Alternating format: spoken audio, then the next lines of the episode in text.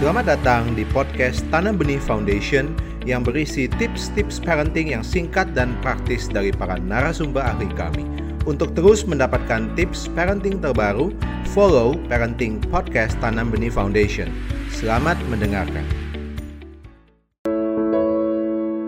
Dapat nilai nol, bersyukur.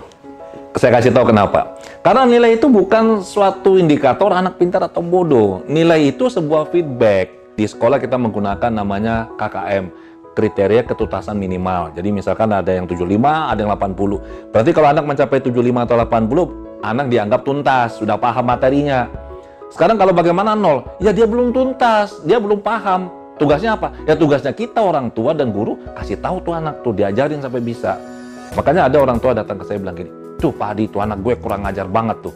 Loh itu bagus bu, kalau dia kurang ngajar diajarin sampai bisa. Jadi kalau sampai anak kurang ngajar yang salah siapa? Orang tuanya. Jadi bukan anaknya. Anak butuh seseorang untuk membimbing. Jadi kembali lagi ya, nilai itu bukan sekedar menentukan anak pintar atau bodoh. Nilai lebih kepada menunjukkan anak paham atau tidak paham.